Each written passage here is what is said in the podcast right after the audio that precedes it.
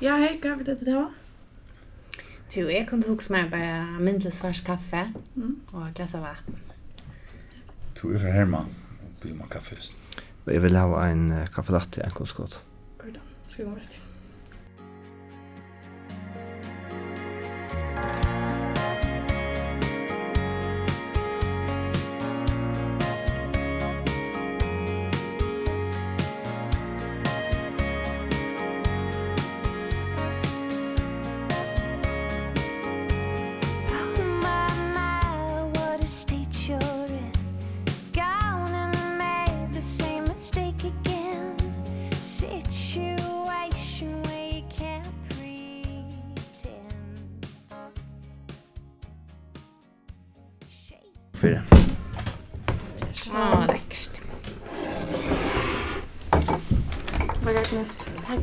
Ja, takk for det.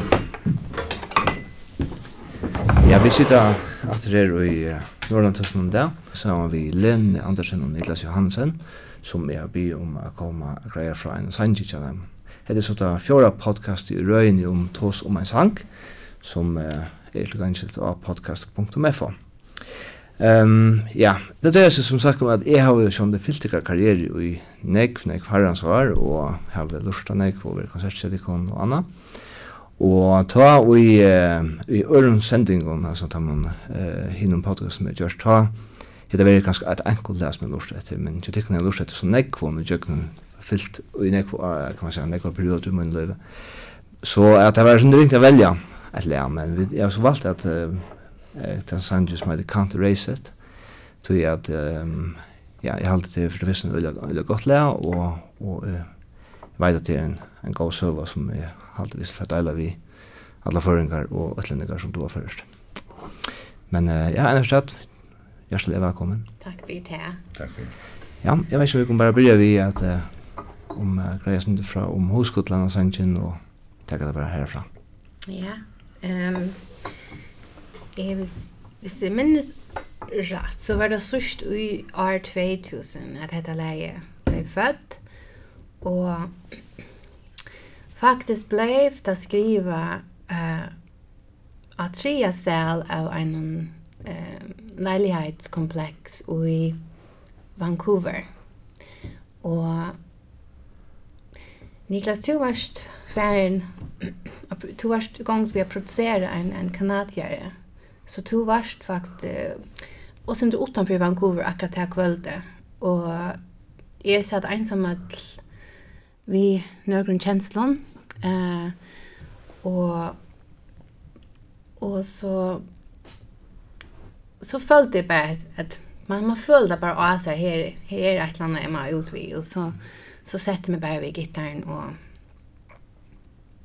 och så kom det primera vi at jeg følte at uh, faktisk fyrr tann dagen, samme dag, hei jeg just, jeg hei oppførst meg på en måte som jeg, jeg oppdager ofte at hatt var en tendenser til meg her, um, egentlig kanskje være i en sånn plisare rolle, uh, og så at han har man hever lukket som um, just näka kanske inte ut från det det som du helder men för att please onkran. Mm. så först först du ofta stävjarna tjejla känslor och så minns jag att jag kom hem så huxade jag hur gör det hatta efter nu och första linjen oj heta läge är oh my my what a state you're in. Mm. gone and made the same mistake again. Så so, läge faktiskt handlar om tar man hever jag någon löve danna eh några minster och faktiskt är minstern är rättliga dysfunktionell. Ehm um, men till han ena som att to hever då att fungera på. Eh och så lägger du hela spåren efter där och det kan man inte viska veck Mm. Du kan heller inte viska veck den hardishen som du hever som som, som ger till att du, du har utvecklat hans minstrene. Så det ena du kan göra är att fortsätta och röjna att på andra mata släppa dig. Mm. Man kan gott släppa några så om man inte kan viska det väck. Mm. Um, så att uh, hetta var så te och och ta börja på Niklas Twinkassa gitarr. Ja, jag minns det ordentligt väl till. Nettopp jag var ofta väck några dagar i en by som er Chilliwack og produserer jeg. Så minns jeg kom hjem til frutja kvöld og jeg tror det er sørste 2000 skal nok passa. og opp inntil ta hadde vi da skrua løg lena ikke det første fløvene ut long distance i 8.5 og vi hadde gjort sånn rikva løg men jeg halte det var første fyr, etter jeg opplevde at jeg kom hjem og lena seg Henriklas jeg skrua en sang og faktisk er det skrua for til en som heter Things I Never Learned som er av det neste fløvene er du østen skrivet av vikene, så jeg minnes rett. Og jeg minnes bare jeg var alvorlig, ja. imponerer og sier, å, etter, etter høyt støy jeg bryr Ja.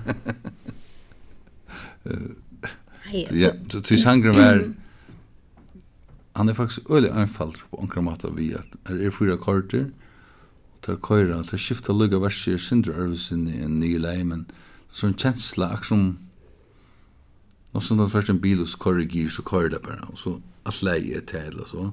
Så kanske det bröt sig men till, till ölja. Ja, först jeg också men det var jeg också i Fleetwood Mac. altså som man kokar med associationer. og et läsa med Thunder. Thunder.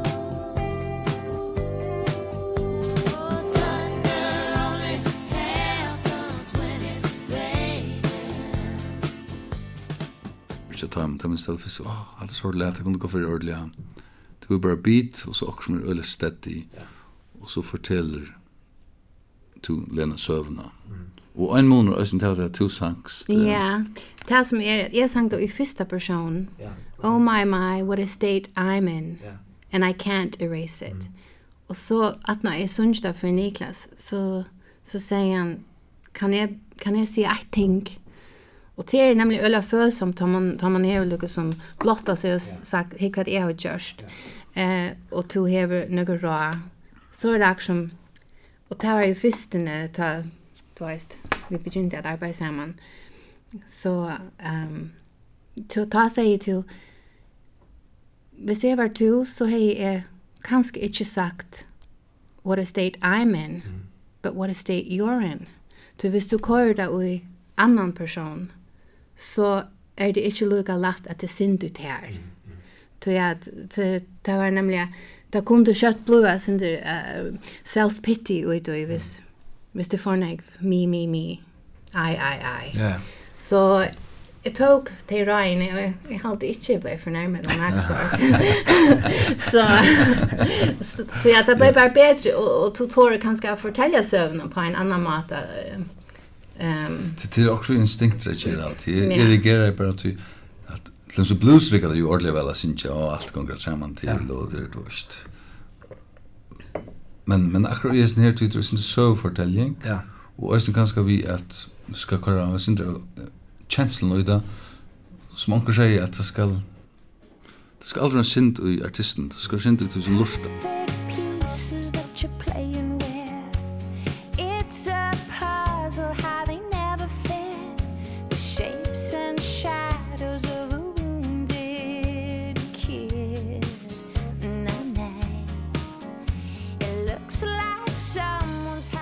så helt du kanskje at han manglet et stykke av træet. Uh, og det var det stykke som du skriver. Det er faktisk uh, et C-stykke kan man si, eller B. At, yeah. Her vi færre opp, I can see, you can see. Ja, nemlig, ja. Det men, men det er det samme, det er faktisk bare en nødt med til, det er akkurat som akkorder som Nyland, det er øyelig, det er faktisk bare en nødt. Og er, er øyelig begrensa vi akkorden, um, Og Jeg hei gengje til klassiskan gitar, det er var yngre. Her er, er spalte til notar. Um, så ta, ta vi fingraspel, arpeggio, ta, ta kom nek lattar enn vi ser bare begynte jeg å vaska på en av veien. Og, og ta ble lukka som eisne fundament i lennon, hetta fingraspelet. Og ikke minst, uh, gitarrlich. Du du du. är Lena. Okej, ja, ja. Og så spelar det Ja. land. Det har du just. Det men. Så det var øliga grudklost. Ja, okej.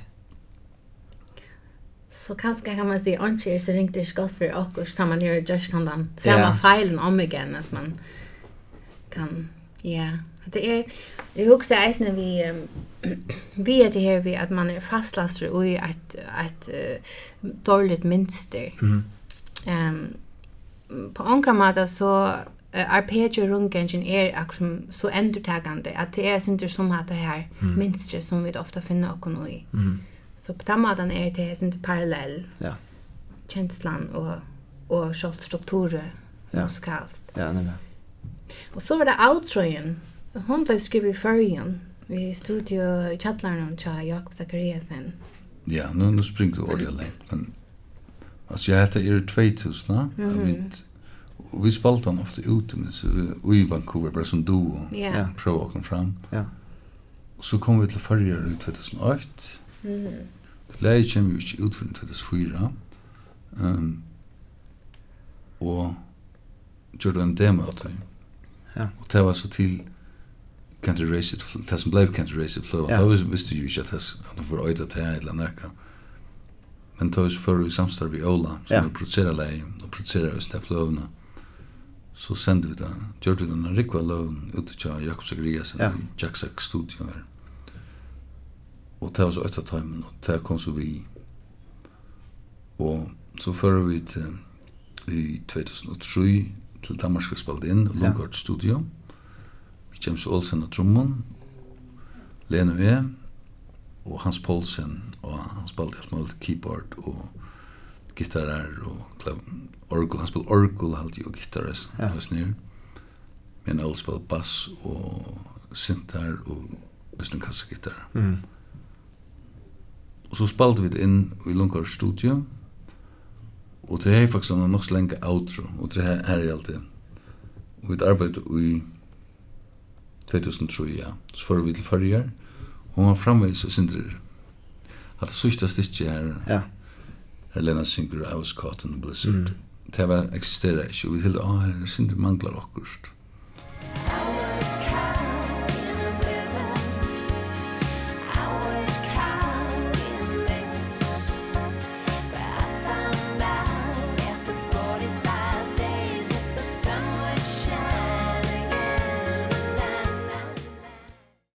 Ja, hade nämligen att jag läste mig ordentligt hårt uh, Kara bil. Ja. Ja, totalt. Det var precis i hårt. Ja, ja. Det var ju bara. Ja, ja. Det är ju bara bilen. Ja, det var bilen. Actually, jag tar kvar. Jag skulle bara mäla att låta in åt. Ja, men ja. Och så en cruise lär.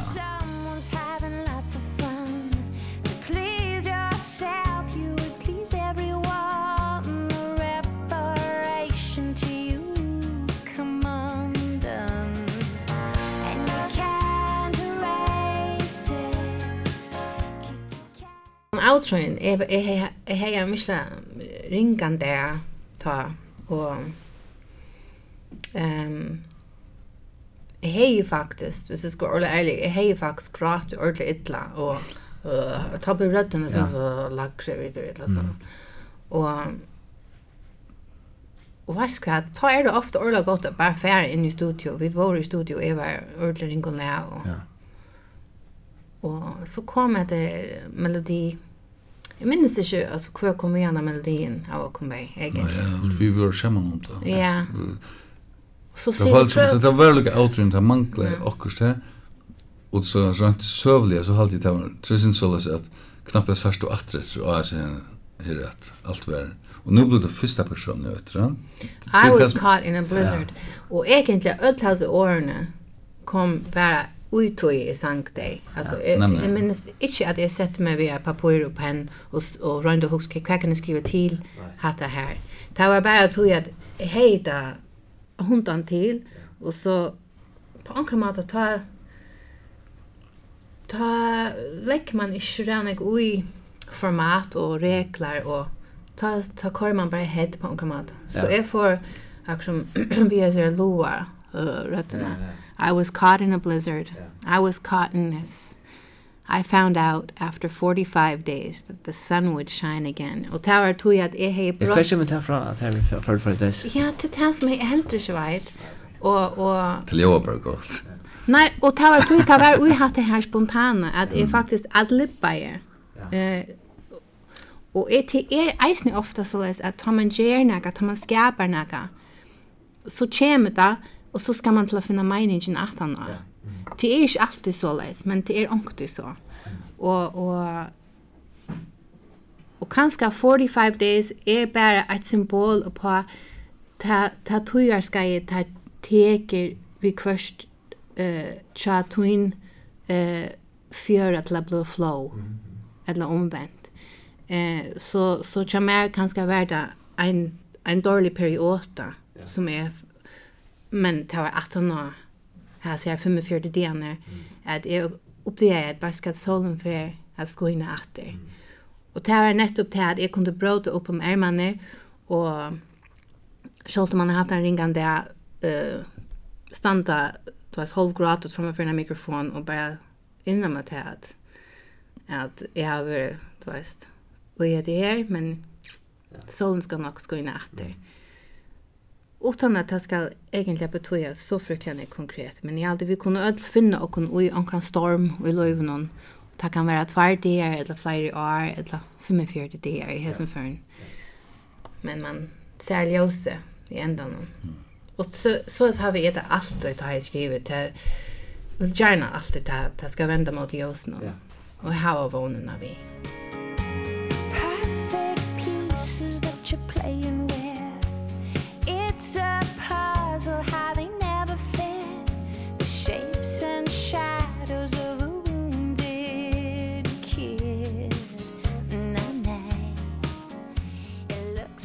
Men tant løvan her på en Cancer Race tenker jeg det var saman. Det virker som om at løven er et løven American Dream og sånne ting. Altså alt er, altså, uh, man har gått tendra til fløven og hana fra i egnom og man føler akkurat til en heilt eller så. så. Halde, uh, ja. Takk for det. Jeg har vi et arbeid øyelig hardt på alle fløven. Altså, faktisk åren for gang. Vi tar tatt jo, vi tar jo just oss første fløven av Kjallville, og så kom oljen og produsere seg. Og... Her han er sound som her avskatt ikke kunne sitte? Helt sikkert, ja. helt sikkert. Altså, at det flå, han flå han øylen av fingre med seg og øyla. Ja. Så var ikke nivå om det. Og det var andre ting øysten tjokken til at han var så sentral, altså, han mikset det først og så gjør vi True Love i 2000 her, I Still Love You var det man, her han produserer her. Og så da vi skulle gjøre det neste fløven, høyle fløven, altså, så, så gjør vi det henne vi hon men så vet arbeid øle harst på at gelo faktisk ja. så han så vi sendte lønne i inntil vi hatto og minns ikke snakk løy er her tøll vi lukk rart jeg det ja. som vi tilvar gå og som er helt og som var vi tentra på at gjøre ja. vel akkurat han fasen er faktisk den viktigaste fasen at sikfri lønne er gå mm. eller så mm. Men i all det eisne, altså, til er, han da, til er produksjonen eisne som er vi til at gjeva han reia traien. Purus Som, man, som to føler, eller så. Mm, mm. Det er det. Ja.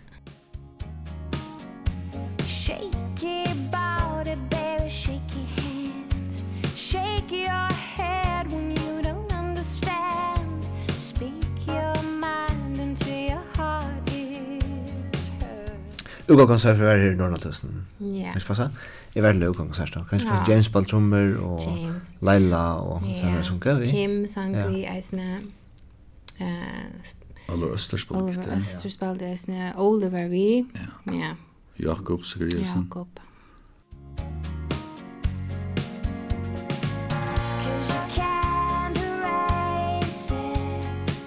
Du nämnde ja. James Olsen ja. och till en några andra vi heter läge är att det hade att uh, här spelar han ordla sort signatur James Olsen ja. trummer. Mm. Eh vi där har spalt uh, vi vi imus kontrollsnåren och han han mäknar ordla väl akkurat haft det här groove. Ja. Han sitter ordla in the pocket och och färdas svinga på akkurat handa maten, så. Ja, alltså så swings och ljus då anfallt. Ja. Men det är faktiskt eh inte lika lätt som det gör att få ett Det ska det ska vara tungt och lätt samstunds. Ja, det ska vara framtryft men men det ska vara gott backbeat. Och han har öla gott backbeat så.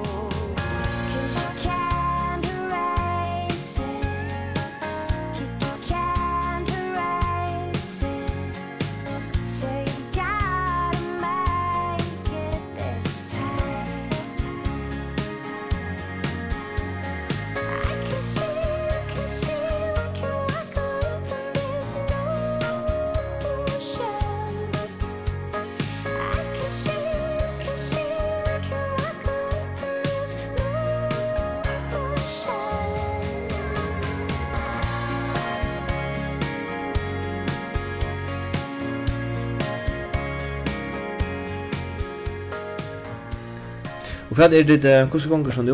Hva er det gonger vi? Jo, arbeider vi på en nødja, et nytt album. Ja. Og vi er kommet, hva er mer enn helt. Ja. Og så ene for i år, har vi da satt på her og klart. Vi var i um, sust akkurat för en år som vi var vid i Los Angeles. Här vi tog upp uh, grunder live. Um, og vi var så heppen at, at få Jeff Emmerich, Beatles engineering, at være vi um, at tagga opp og Sean, det meningen var at han skulle eisne mixa platene og så hendte det i oktober at han han får fra oss han døg. Så vi, vi får finne ære måter at, at fullføre det på, men til, til så en avbjøring. Og ja, men vi er takksom for at vi finner han vi, og, og ja. Han er jo en alvorlig legenda. Ja, det, det kan man rolig si. Ja. Vi var sånn du er veldig spent på det. Ja og tok en chans til, til han var 72 og og du var vi för iver og, og så han var kurs vi vi vi kus han en assistent så det som var spennende det var å vite om han nu er lukka som bare kanskje satt på guy og bare bända ned och alt og han bare var navn men det var han slett ikke han var pura pura skarsper og øyelig intensur og fullkomlig i musikken Han var atläst han alltså han tog upp. Så tar vi stäcka för lunch. Yeah. No, no, no, no, it slows me down. Du vet, han, han skulle bara vara ordentlig.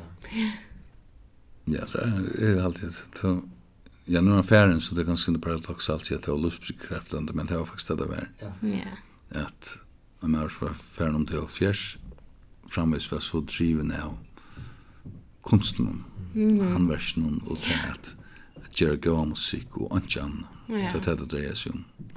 Tar.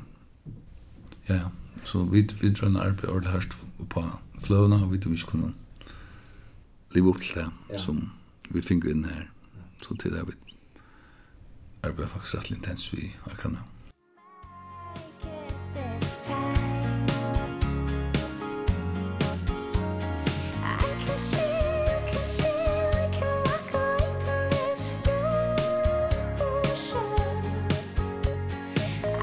Jeg som er part av sendingene til er at håndlageren som har skrivet uh, sendingene uh, skulle hava et ting vi som myndar om en sending eller ta tøyina. Mm -hmm. Så er det, hva er det tid ikke vi? Ha, Niklas, vil du fortelle hva det er tid vi? Ja, vi tar ikke hva er vi? Ja, og hva er det hva? Hva er utsynet fra uibúne. Oh, okay. Jervis Street i Vancouver. Okay. Fra her som vi bor. Ja. Og hatt er uibúne som vi bor i. okay, ja. Og her er nekla å skriva inn her. Ja. Apartment 305. Ja. 305. Ja. Og en øl, ja. Hva sier jeg? Definerende tøy for jokken. Ja. Jeg er. Ja, du sier det er øl, då man föring så utsyn när jag säger. Ja, ja, vi var helt ja. Ja, ja vi fick en uppe som mig. utsyn i check kun och ändå en urns att bli här apropå. Okej. Så sen oss lön oss lön church och den fascination. Ja. Då när American men vi kom upp på sätt ner. Okej. Så kom om man bo i kurst. Då där var svängar. Ja, ja. Om Vet du Okej. Och ja, så så har vi bara tecknat en cirkel runt om vinter här som här ja. okkara och tar och i hans vägledna att hade läge blev skriva.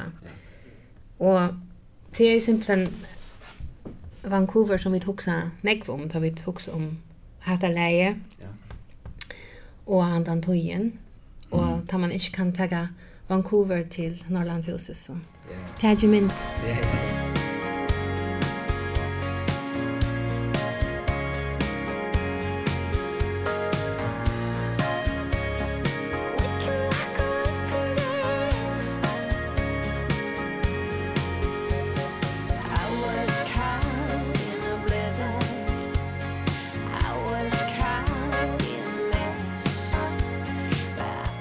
man hygger etter med løvene til skriva og ta, med landa Can't Race It, i mån til det som med landa Eagle in the Sky og sånt. Her da, eller Home Sweet Home sangren, som er detaljerer over kanskje om, om, om Badenholm og så videre. så videre. Tåler du bedre til i det enn du gjør det ta? Så er det noe som et annet sted. Altså, personlig, ja, jeg tåler bedre. Um, og til, til alt det kommer først og fremst ut fra at jeg tåler bedre at ta som det. Ja. Og Um, alltså alla mina texter har kommit nog snägg från ett uh, problematiskt ställe, eller troubled ställe. Och och kanske utan att att vara konkret och touchly om omkring att mig vad i bottnar och i att vara uppvuxen uh, i en hem här här um, pappa min var alkoholiker och och och nek vad du alltså det som man så utvecklar som alkoholiker baden. Ehm ja. um, det här fylgjer vi och det har vi haft störst behov för att uh, att få ut och brukt faktiskt tonlike som mm. ett slag av uh, ventil. Ja. Ehm um, så det hade jag tåra faktiskt att tåsa mig om det och och bråte några tabu. Ja. Ja, och här här vill jag se att det kanske är syndra myta att du tår bättre nu. Alltså inte at du inte tår vel. Nej. Men, men jag hade det som du säger, att jag synder till Sjalt at du fyrste platene, long distance, var den ofertelige. Ta man så kjenner Lene som er nysgjerrig, som er ordentlige personlige tekster, ja. og som er, er rønt autobiografiske. Autobiografiske. Auto, ja, biografiske. Og, men, men månen tar var kanskje at, at att sövan vi alltså det heter vi tog inte att skriva och det här kortet släpps på det ja. Det är så folk har det Alltid det är en skon så kanske den första lustan inte bönlös sista första man också om texten eller så.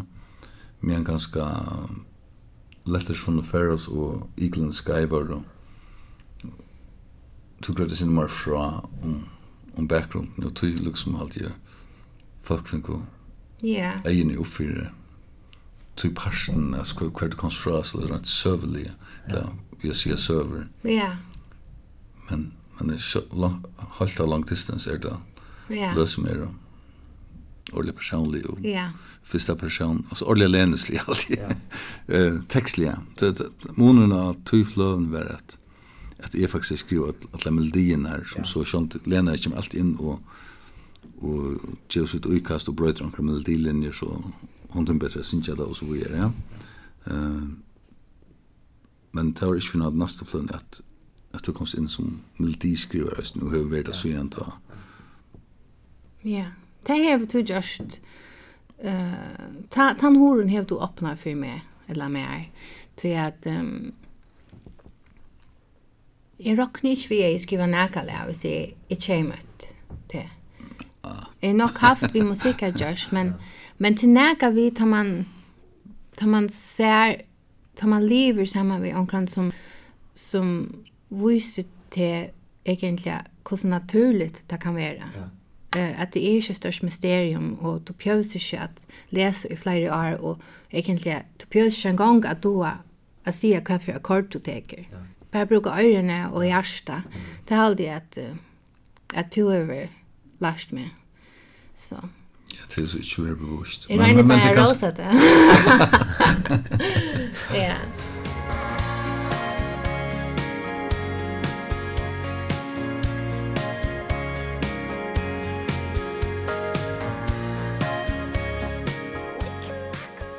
Nei, men det är att jag vet. Ja. Jag kanske akkurat att skriva eller till att skapa, tycker jag, lugga mycket till musik, eller målningar, eller ja. skaldsöver, att det är en öliga uh, vikvam process mm. og ankur som sitter og rønner at få okkurs brustur og ongun egentlig ja.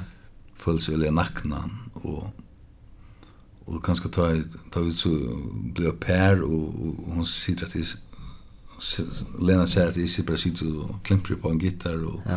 nunni og synder ut av Leo Real men så klemper så er akkurat stjerne mm. så var det kanskje synder jeg måste få se det som åh, at det er helt helt utrolig um, størst å skrive skrivelært. Det er størst på onkra måte, det er så mystisk, man vet ikke hva det kommer fra, men jeg det er utrolig anfalt på en annan måte. Du teker en akkord, og så finner du på onkra melodi, og så prøver du en ære akkord, så nei, ikke her, og så knappt så er det akkurst.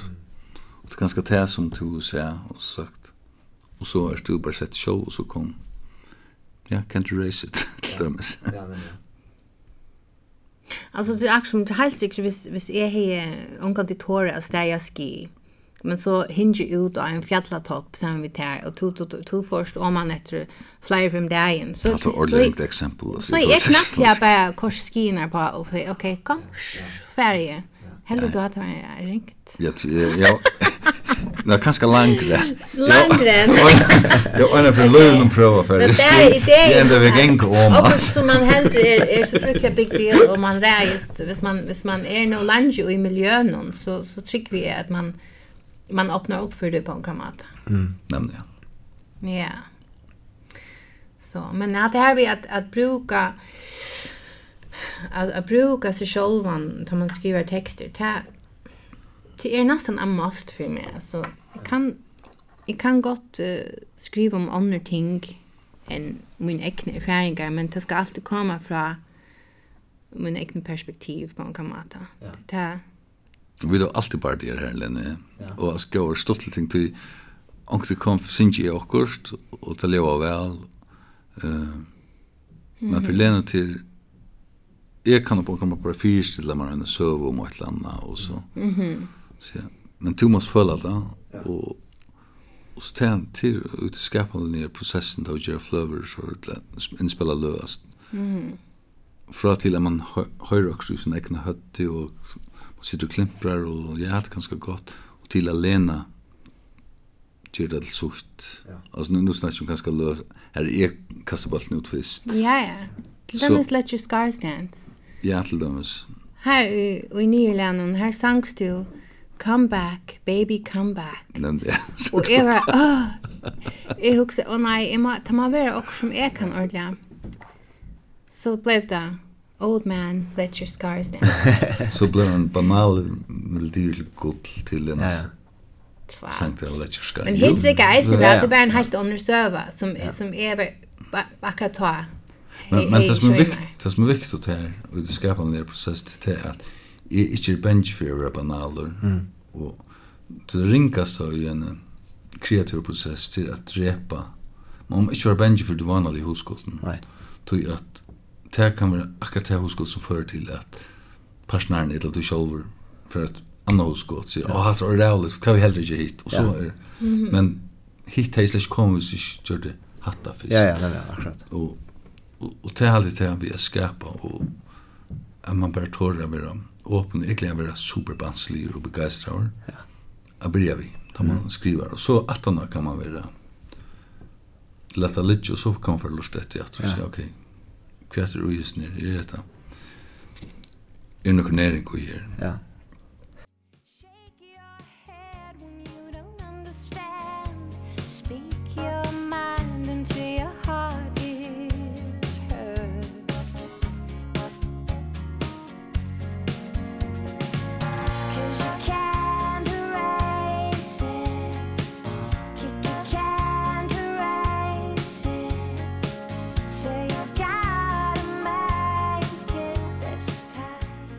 i tog skriveprosessen til du skriver en sang, er det, yeah. altså, er det terapeutisk for det? Um,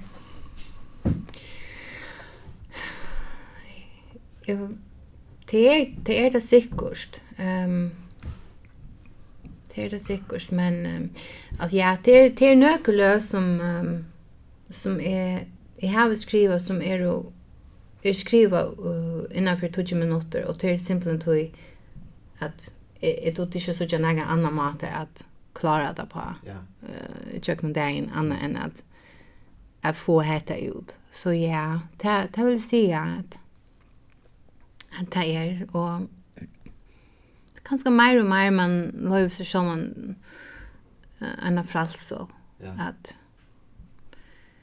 at være her og ja tåra, men alltså jag aldri eist til en, en fin... Jag kan gott føle själv at det er en fin um, gränsa um, när du har kanskje vondt i en att föva mm. for en. Ja. Och kanskje akkurat ta er det gott att att ha några några andra liksom evner som man tömmer att skriva om. Ja. Eh som ikke bare hikker etter sin egen alve alle tog. Um,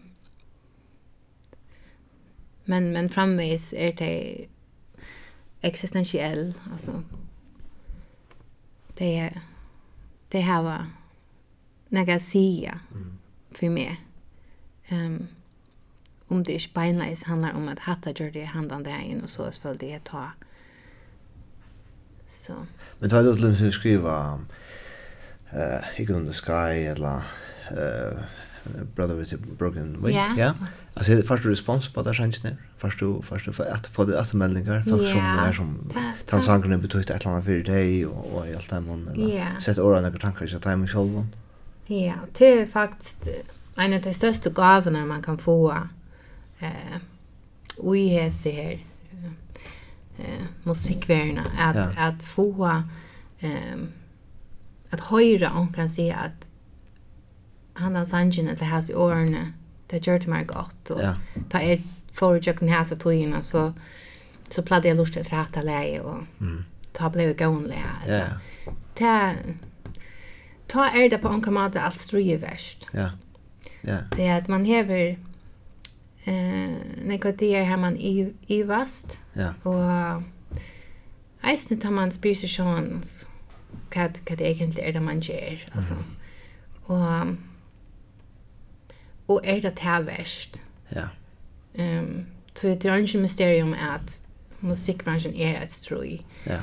Uh, men akka hatta at at onkur sendi der en e-mail eller du møta dei at en konsert eller ut av gøtna at dei sé av ska hatta her hjálpte meg otroliga. Mm. Nei, kjøkken hasa tøyna eller whatever ta føler jeg at at jeg bidra som man kjever eh, brant muskalst og lyrest til ja. det er ikke bare til faen ut ja. så det er jo ordentlig deilt ja.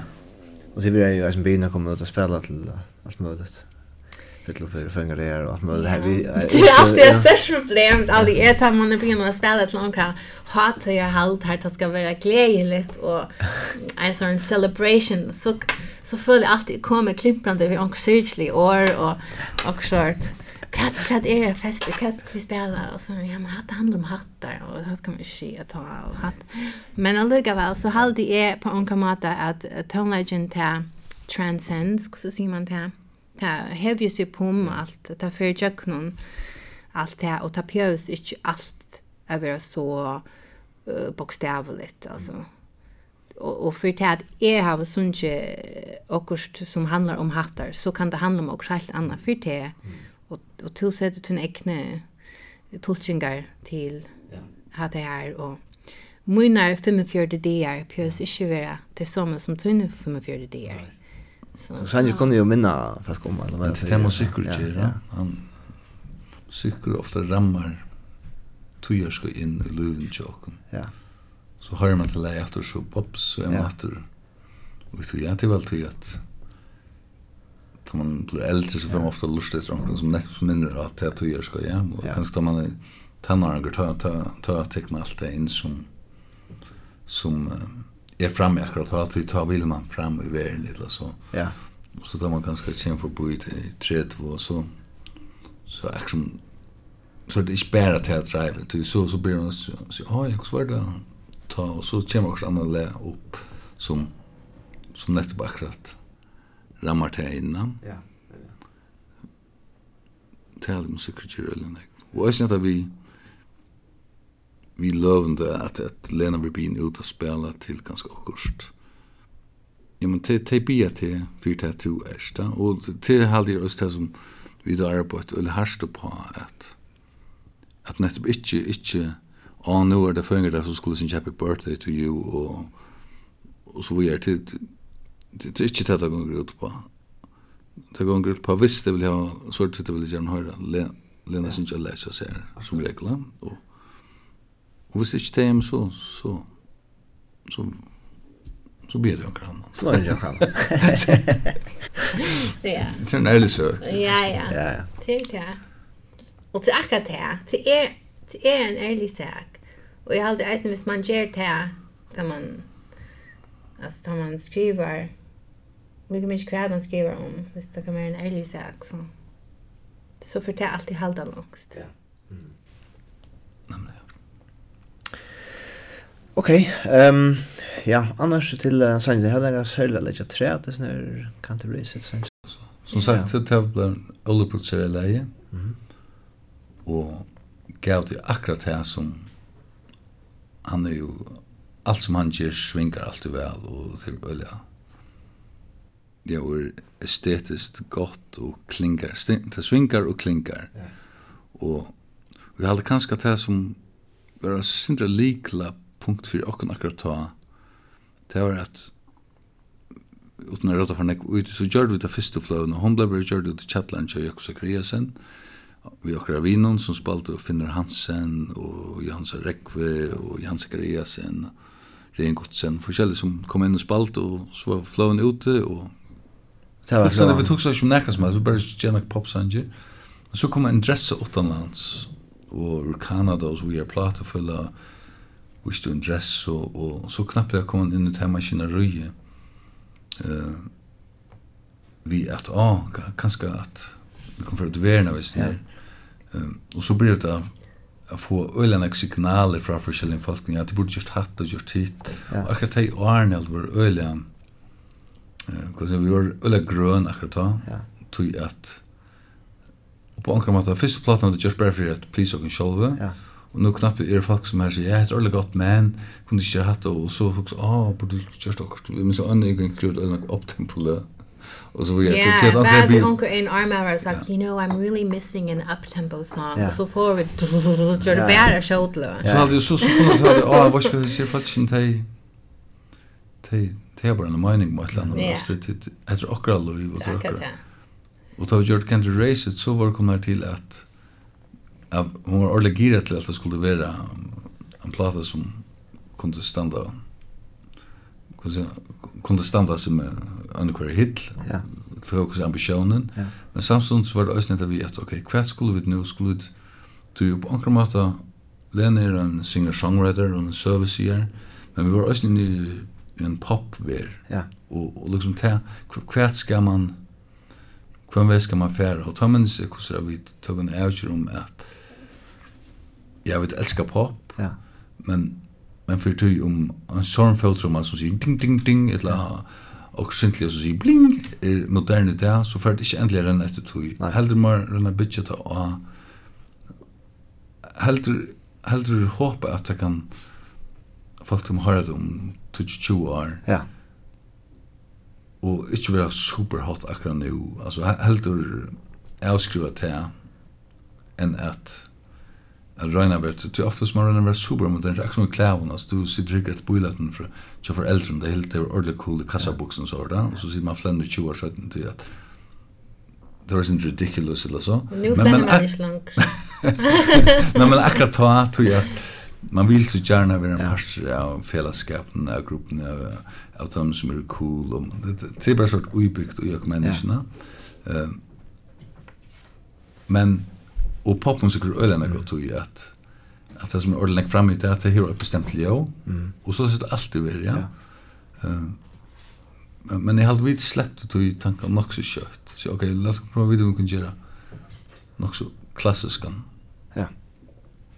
musik, popmusik Mm -hmm. Det är alltid alla flere nødvendig at her er nok så jeg kjenner det ut i, utan at det er vanlige er kjelige, omkrellig sagt, ja, men, men men at hvordan sier jag för at? Tror finner det av hva det vad. Att det gøss ut som man gjør på en måte. Fokusera på att skriva gå sanger och få det väl inspalt och få gå av musiker til liksom her som i helt tunne fløver har vært Att rönn arbeid hars vi tøy og så kanskje hoppa at det fettler inn i tøyerandan men, men ikkje, ikkje, jakstra tyger han då. Ja, det är. Bara bara føle inn i seg själv om hva hver rører seg, så så han ser att här sjövnar. Så vi er bare mennesker, hvis anker er autentisk, så trykker vi at at det er andre her ute som fängat til, og, og kunne relatera til det. Mm. Och egentligen är det mer enn det man man kan håpe på. Men kan man säga att det är rätt något så väl. Ja, takk for det. Og jeg vil takke deg om fyrir at jeg tunde å være vidtla til podcasten. Og ja, og jeg ønsker deg alt det beste framover. Og gleder meg å høre at jeg nødvendig tilfelle eller nødvendig fløven. Tusen takk. Takk for det. Tusen takk.